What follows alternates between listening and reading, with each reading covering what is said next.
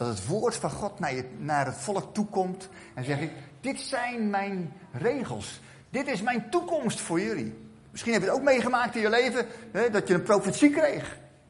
Zo'n bergtopervaring, dat God naar je toe komt, hè, door een broeder of een zuster heen. En, en hij zegt bepaalde dingen en je denkt, yes, dat wil ik. Die kant ga ik op. Misschien wel in de zin van, van roeping of hè, een, een, richting, wat er gaat gebeuren. Misschien wel een prachtige belofte. Misschien wel dat God je gaat gebruiken. Misschien wel belofte dat je denkt van, wauw, daar verlangt mijn hart naar. Dat zou ik zo graag willen realiseren in mijn leven. Een belofte van God. Van die uitkijkpunten, van die bergtoppen in je leven. Mozes is een voorbeeld. Karmel een voorbeeld. Enorme manifestatie van de kracht van God. En wat kun je dat meemaken? Soms in momenten Misschien wel in een samenkomst of op een ander moment. En dat je vaart, wauw, wat is God hier? Wat is zijn kracht hier? Wat heb ik hier nodig? Een moment om te koesteren, om een foto te maken en op te hangen. Een mooie bijbeltekst eronder te zetten en dat mee te nemen in je leven. Denk aan de berg der verheerlijking van Jezus. Dat hij daar was. En dat God daar was moest de discipelen even wakker maken, want die sliepen, weet je wel. En als de mooie momenten zijn, dan, je bent er niet altijd helemaal bij, zeg maar zeggen. Maar dan dat moment met Mozes en Elia en Jezus op die berg der verheerlijking, de evangelie. En dan zeggen de discipelen, weet je wat, laten we, laten we maken hier. Laten we blijven hier. Weet je wat, laten we een hut bouwen of zo, weet je wat, dat idee. Laten we voor altijd hier, hier is het goed.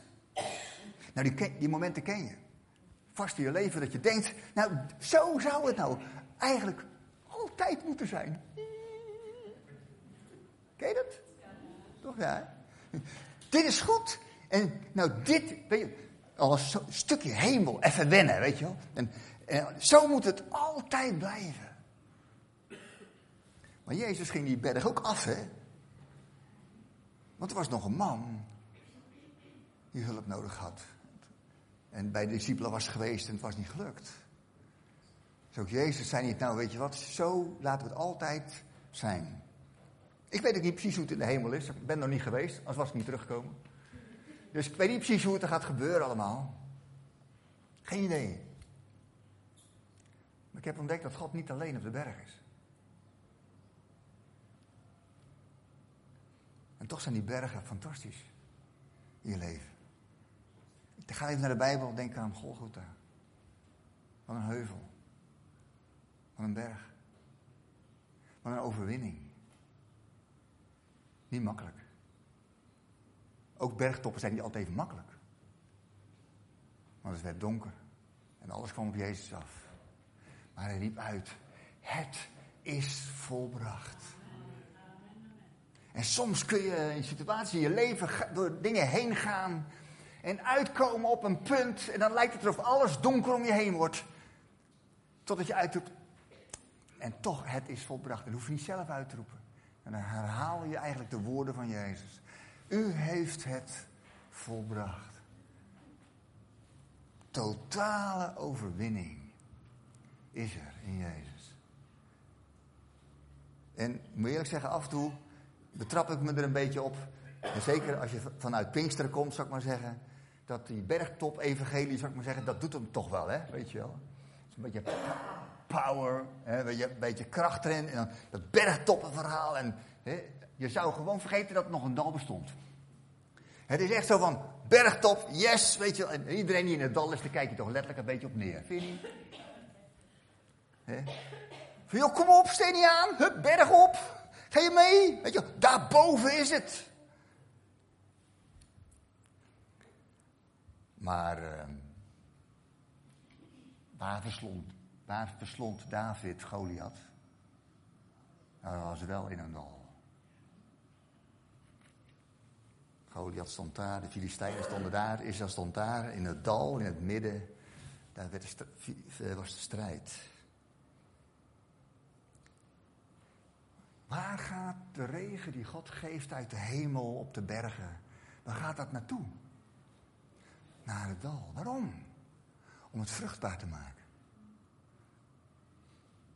Voor het groene gras, Psalm 104. Daarvoor geeft God de regen. Hij, hij vindt zijn weg eigenlijk naar een heel vruchtbaar gedeelte. Zo'n bergtop is eigenlijk niet eens zo vruchtbaar. Toch er ook een beetje hoor. Dus, uh, hè? Het is niet vruchtbaar. Ook niet echt een plek om nou te blijven wonen. Vaak is een bergtop een moment. Een moment die je meemaakt. En dan gaat het, gaat het verder. Ik, ik was aan het lezen in, uh, in Hooglied. Doe je dat ook wel eens? Is goed voor je huwelijk. Moet je doen. En uh, toen kwam ik, kwam ik zo te lezen over intimiteit. Nou, ik ga niet alles vertellen, je moet zelf maar gaan lezen. Maar die intimiteit in, in Hooglied vindt plaats niet bergtop, maar in een dal, in een tuin, in een weide. En ik heb me gerealiseerd dat intimiteit met God ik geleerd heb, niet op de bergtop, maar in ons leven, in mijn leven, in het dal. Dat in dat dal waar het allemaal zo ingewikkeld soms leek, dat daar intimiteit geboren werd met God. Zijn stem verstaan, begrijpen wat hij bedoelde, zijn leiding nodig hebben. Kijk, op de, op de bergtop zou ik maar zeggen, dat was zijn kracht. Dat was zijn manifestatie, zijn heerlijkheid. Daar, daar is waar, waar God regeert, beweegt. En het dal was waar hij mij vormde. Waar hij kneedt en zegt, hé, hey, wacht even, dit, uh, zoals bij David, joh, dit past niet helemaal. doe, gebruik maar gewoon wat ik je heb gegeven. Ga er maar op af met vijf steentjes en zo, weet je wel. Dat verhaal. Op die bergtop, ja, daar zijn het hoofdletters, bijbelteksten. Daar, daar preek je uh, in, met, kracht en autoriteit. Dan denk je misschien dat je als voorganger, zeg maar zeggen, alleen maar die bergtopverhaal hebt. Maar ik zou eerlijk zeggen, soms weet je waarachtig niet waar je moet beginnen hoor. Weet je echt niet van, hoe moet het nou? Ik heb soms wel het idee verdwaal. En toch, zo'n dal is een belangrijk punt. Intimiteit met God leer je in het dalmoment. Dan is ook het dal, en dan ga ik met elkaar uitlezen, want je denkt, wanneer gaat die Bijbel nou open? Komt hij? Doet hij het? Ja. En dan ga ik wel openluchten, dat lukt ook wel. Uh, ik wil met jullie naar uh, Jozua 7.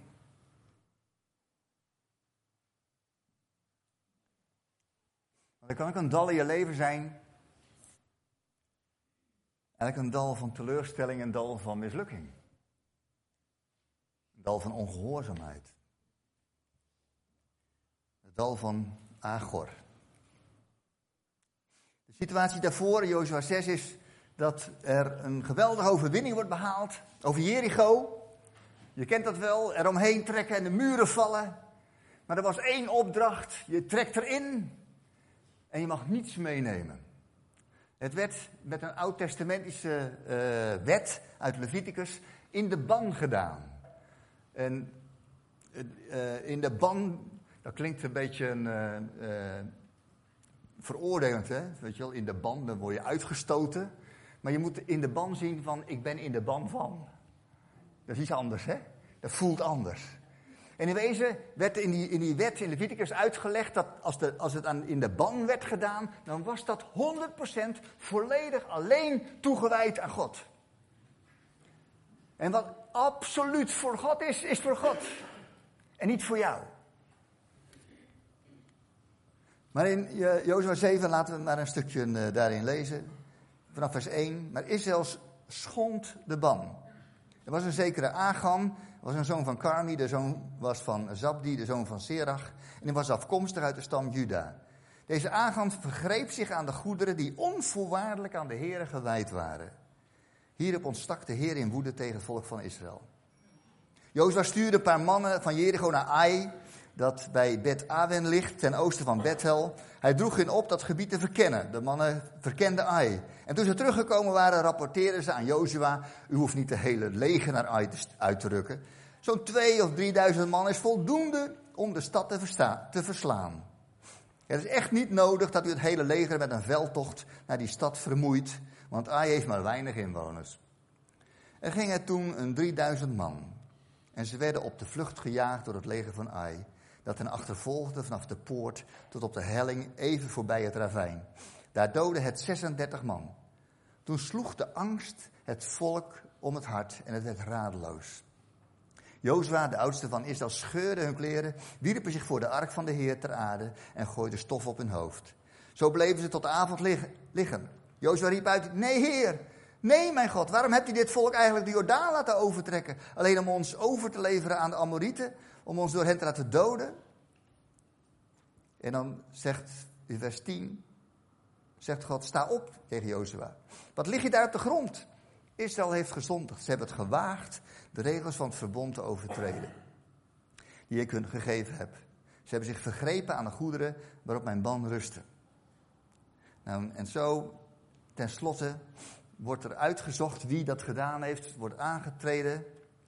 En dan lezen we aan het einde, dan komt uh, Agan en zijn gezin tevoorschijn. En dan wordt het gevonden. En dan zegt hij uh, in vers 20, Agan antwoordde, ik beken dat ik heb gezondigd tegen de Heer, de God van Israël. Dit is wat ik heb gedaan. Ik zag dat er onder de buiten een prachtige mantel uit Sinar was. En 200 shekel zilver en een goudstaaf die wel 50 shekel woog. Ik kon mijn ogen er niet van afhouden. Ik heb het gestolen. Het ligt allemaal in mijn tent onder de grond verborgen. Het zilver ligt onder de mantel. Jozua stuurde een paar mannen die snel naar de tent gingen en daar de mantel vonden, met het zilver eronder. Ze namen het allemaal mee uit de tent, brachten het naar Jozua en de Israëlieten en spreidden het voor de ark van de Heer op de grond. Hierna brachten Jozua en Israël Agan, de nakomelingen van Serach, naar het Agordal, samen met het zilver, de mantel en de goudstaaf. Met zijn zonen en dochters, runderen en ezels, schapen en geiten en zijn tent, kortom, alles wat hij bezat. En Jozua zei, je hebt ons in het ongeluk gestort. Daarom zal de Heer jou vandaag in het ongeluk storten. Hij en al de zijnen werden door heel Israël gestenigd en verbrand. Daar bedolven ze onder een grote hoop stenen. Toen bekoelde de woede van de Heer. Deze steenhoop is er tot op de dag van vandaag. En deze plaats wordt het Agordal genoemd. Tot op de dag van vandaag. Een dal. Een diep dal. Een dal van wanhoop. Dal van waarin onschuldige mensen stierven. Die 36 hadden niks fout gedaan. Anderen worden ja, slachtoffer. En die is een dader. En van de week, nee, van de week kan dat niet zijn geweest, dat moet een paar weken geleden zijn, sprak ik met iemand. Uh, en uh, over opnieuw beginnen je leven.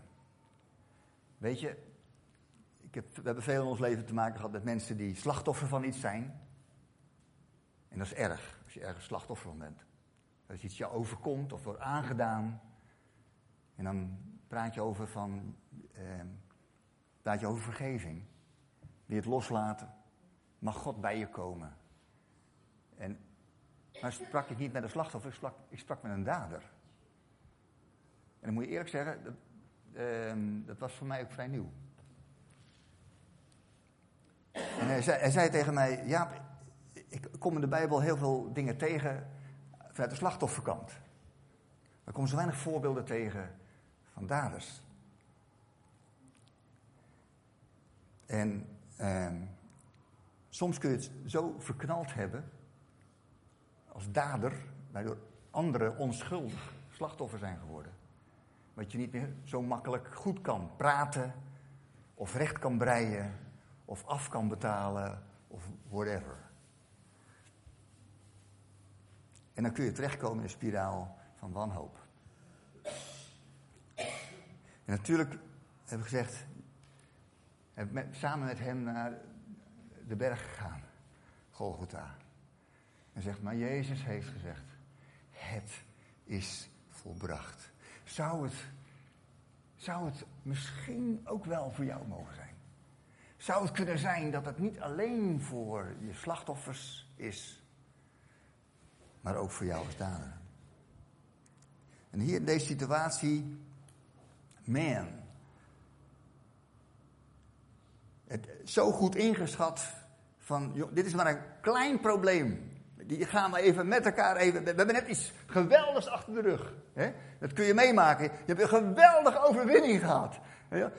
geweldig hoe God zich heeft laten zien en wat er gebeurde. En je hebt het gevierd. Yes, that's it. En dan komt daarna zo'n peanuts verhaal, weet je wel. Stelt niks voor, maar een klein beetje.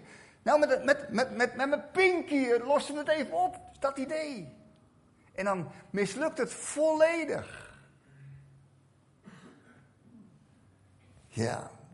Weet je dat het vaak in die kleine rotdingen gewoon zit? Echt waar hoor. Bedoel, je, je struikelt niet over een muur, daar spring ik met mijn God overheen. Maar de drempel wel. Lig je zo op je hebt een geweldige samenkomst gehad. Pas op, als je naar je auto loopt, heb je misschien ruzie met je vrouw. Weet je in de, in de samenkomst heb je nergens last van. Halleluja. Maar het is maar zo'n klein dingetje. Het gaat over niks. De meeste ruzies gaan over, nou ja, niks. Nou ja, over niks. Meestal over geld, weet je wel, zo hè. Was dat nou nodig? Die dingen, je kent dat wel, weet je. Maar eigenlijk als het erop aankomt.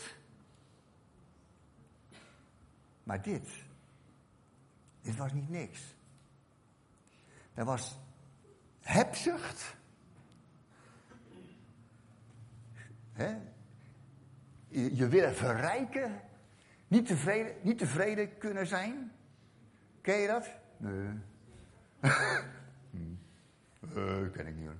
Uh, niet tevreden kunnen zijn met wat je hebt. Meer willen. Misschien wel de ander de ogen willen uitsteken. Eigenlijk kunnen pralen en pronken met iets wat eigenlijk niet eens van jezelf is. Wat voor God bedoeld is. Misschien vind je je wel geweldig. Geweldige spreker. Of whatever. Wat voor eer van God bedoeld is. En je wilt het naar jezelf halen. En dan loopt het fout af. Maar. Even kijken, waar heb ik dat opgeschreven? Ja, Hosea 2. Hosea. Waar staat Hosea ook alweer? Het stond er nog in van, uh, gisteren nog. Index, bladzijde. Erg, hè? Ik vind hem wel hoor. Nou, ook helemaal zenuwachtig. Uh, ik heb hem. 1227. In mijn Bijbel dan, hè?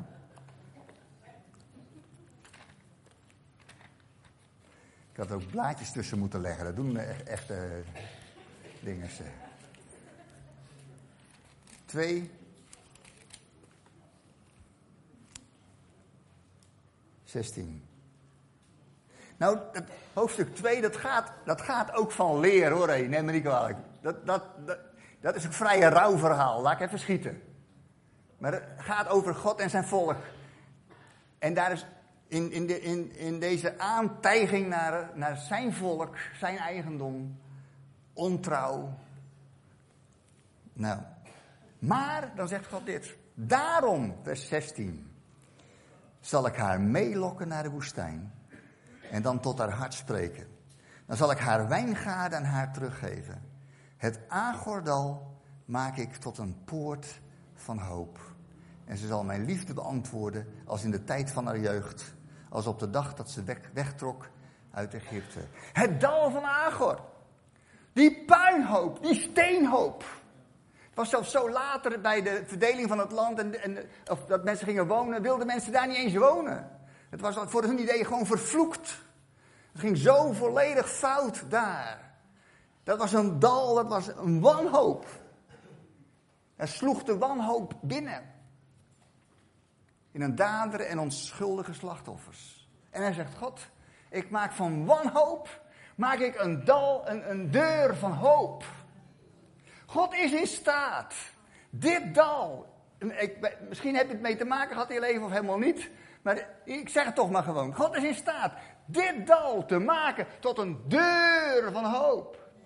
Halleluja. Daar waar jij denkt, hier zit alles potdicht. Ik kom geen meter vooruit, niet meer achteruit. Het enige wat overblijft is een steenhoop, is wanhoop. En zei God, ik, ik lok je mee. Ik neem je mee. Daar zet ik een deur voor je neer. Een deur van hoop. Maar een deur, daar moet je wel door, hè? Knock, knock, hallo. Je moet er wel door. Soms ben je zo gewend aan een situatie, je denkt, nou, ik zit waar ik zit, blijf zitten waar ik zit, ik hou mijn adem in, stik niet, doe, that's it. Ik begin net een beetje aan te wennen, dat het zo is. En dan komt God en dan zegt hij, ik neem je mee. Ik wil je leiden. Ik leiden, eigenlijk, ik vind God af en toe gewoon verleiden.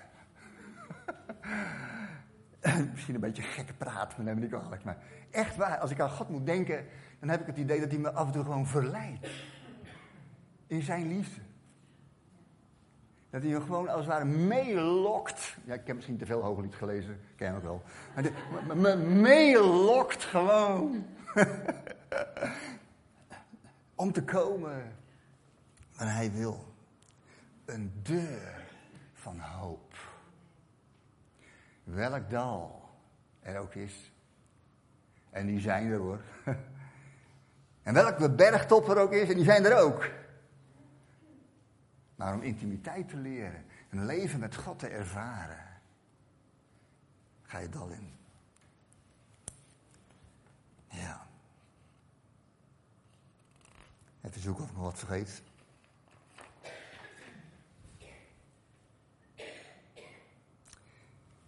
Soms moeten we een beetje af van dat evangelie van uh, bergtop, bergtop, bergtop, bergtop. En neerkijken op de mensen in dal. En moeten we gaan beseffen dat God gewoon met je meegaat. Al ga je door een dal van diepe duisternis. Ik vrees geen kwaad. U gaat met me mee. Er staat geen bordje omleiding. Er staat niet een bordje, nou uh, doe je, ik zie je aan de andere kant straks. Afzender God. Hij gaat gewoon met je mee.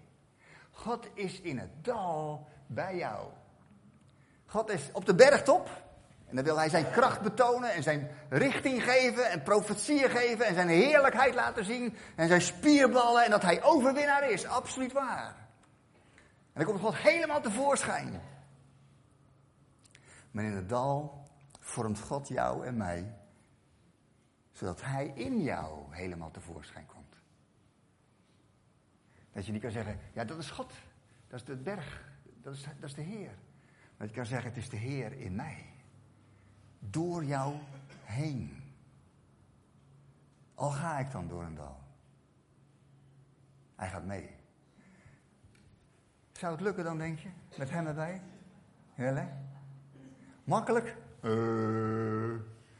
Nee, dat is dat bergtopverhaal weer. Ja, halleluja, drie keer halleluja en het lukt. Zes keer proclameren en een rondje erbij en het is voor elkaar. Weet je wat dat, hè? En soms is dat gewoon niet zo. Ik praat uit ervaring. Als je straks een uurtje hebt, wil ik best een paar dingen vertellen. Maar toch is het waar. God is erbij. Psalm 84. Ik kan allemaal sluiten, hè? Beetje vroeg.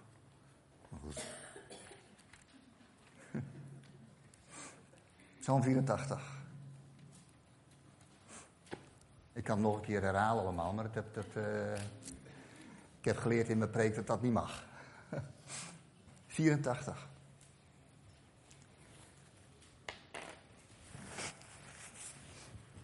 Kunnen we het allemaal tegelijk lezen eigenlijk? Hebben we allemaal dezelfde vertaling?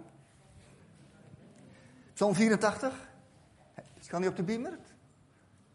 Bij ons nemen ze haast geen Bijbel meer mee, want alles staat op de beamer. Als, staat dit. Als je hem hebt, zeg maar mee. En dan moet je, moet je van zij wij maken. Ja? Trekken wij door een dal van dorheid, het verandert voor ons in een oase. Is mooi, hè? Nee, lukt niet, hè? Nee, zie je schudden. Psalm 84, vers 7. Oh, zei ik iets heel anders? Het kan maar zo hoor. Ik bedoel uh, Psalm 84, vers 7. Heb je hem? Gaat hij? 1, 2, 3. Trekken wij door een dal van dorheid, het verandert voor ons in een oase. Zo. Dat was ons. Nou ik. Komt ie? Trek ik door een dal van dorheid, het verandert voor mij in een oase. Ik heb nog nooit een oase meegemaakt boven op een berg. Maar wel in dal.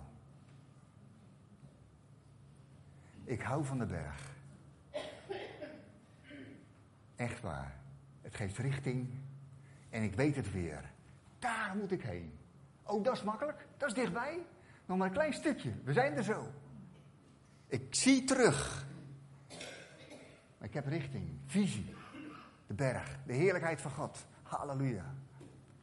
Maar ik weet ook, dat is net als Jezus, dat hij zegt, we gaan naar beneden. Want er is nog iemand die heeft me nodig. En misschien ben jij het wel vandaag. Dat Jezus zegt, ik kom van mijn berg af. Laten we eerlijk zijn, soms heb je het idee, Jezus, die zit boven op zijn berg, zit iets sportjournaal te kijken. Echt waar. Je hebt geen tijd voor mij.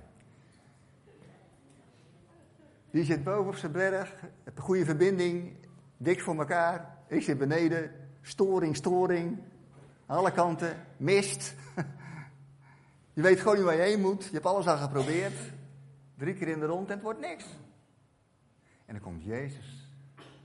Komt de berg af. Want hij wil bij jou meegaan in jouw dal. En je bij de hand nemen en je meenemen. En zie je die berg daar? Zie je hem? Misschien denk je bij jezelf, daar kom ik nooit. Dat heb ik ook wel eens. Dat red ik nooit, weet je wel. Dat is stijl, dat is een end, dat is hoog. Maar met hem kom je er wel. Durf het leven met God aan. Niet alleen daarboven, maar ook gewoon beneden. Durf met hem, pak zijn hand, grijp hem beet.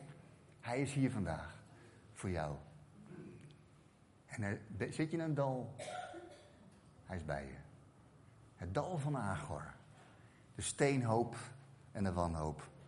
Al zou je dader zijn, maakt hij tot een deur van hoop. Amen. Mag ik met jullie bidden? Dank u wel, Heer Jezus. Voor de geweldige bergtopervaringen die er zijn. En daar kunnen we van getuigen boekjes schrijven. Die dalboekjes zijn er niet zoveel, Heer. Want we willen graag uh, tevoorschijn komen met, uh, met de hoogtepunten. En niet met de dieptepunten. Maar als er één ding absoluut waar is, en eigenlijk kunnen we er allemaal over getuigen. We zouden het aan elkaar kunnen vertellen. Hoe nabij, intiem u was in moeilijke momenten. Toen we door het dal heen gingen, dat we zelfs soms zelf niet meer konden, dat u ons droeg en nooit heeft losgelaten. Heer, en ik bid, heren, dat u, u kent ons allemaal stuk voor stuk. U weet hoe mensen hier zijn gekomen. U weet ook, Heer, in welke situaties ze zitten. Heer, als hier mensen zijn die op dit moment als het ware door een dal heen gaan en denken, God, waar bent u? Bent u er eigenlijk wel? Ziet u me nog wel? Heer, dat zij op dit moment door uw Heilige Geest zullen ervaren dat uw hand uitreikt nu op dit moment naar mensen. Dat u hen aanraakt, hun aantikt op de schouder en tegen hen zegt, ik ga met je mee. Je hoeft het niet alleen te doen, ik ga met je mee. Ik breng je verder. Ik heb voor jou een deur neergezet. Zie je die deur? En loop binnen. En ga met mij mee. Ook deze week. Misschien staan er moeilijke dingen te gebeuren deze week. Dat hij de deur, hij is, de, hij is zelf de deur. Waardoor je mag binnengaan. In de naam van Jezus. Heer, en ik bid, Heer, Heer, dat, dat ons leven dit zal verrijken. Dat we niet alleen maar zullen pochen over de hoogtepunten, maar dat we zullen vertellen aan elkaar hoe u op een geweldige manier uw kracht en nabijheid mogen ervaren als we ergens dwars doorheen gaan. Dank u wel, u bent F, trouw en genadig. Geprezen zij uw naam. Amen. Amen.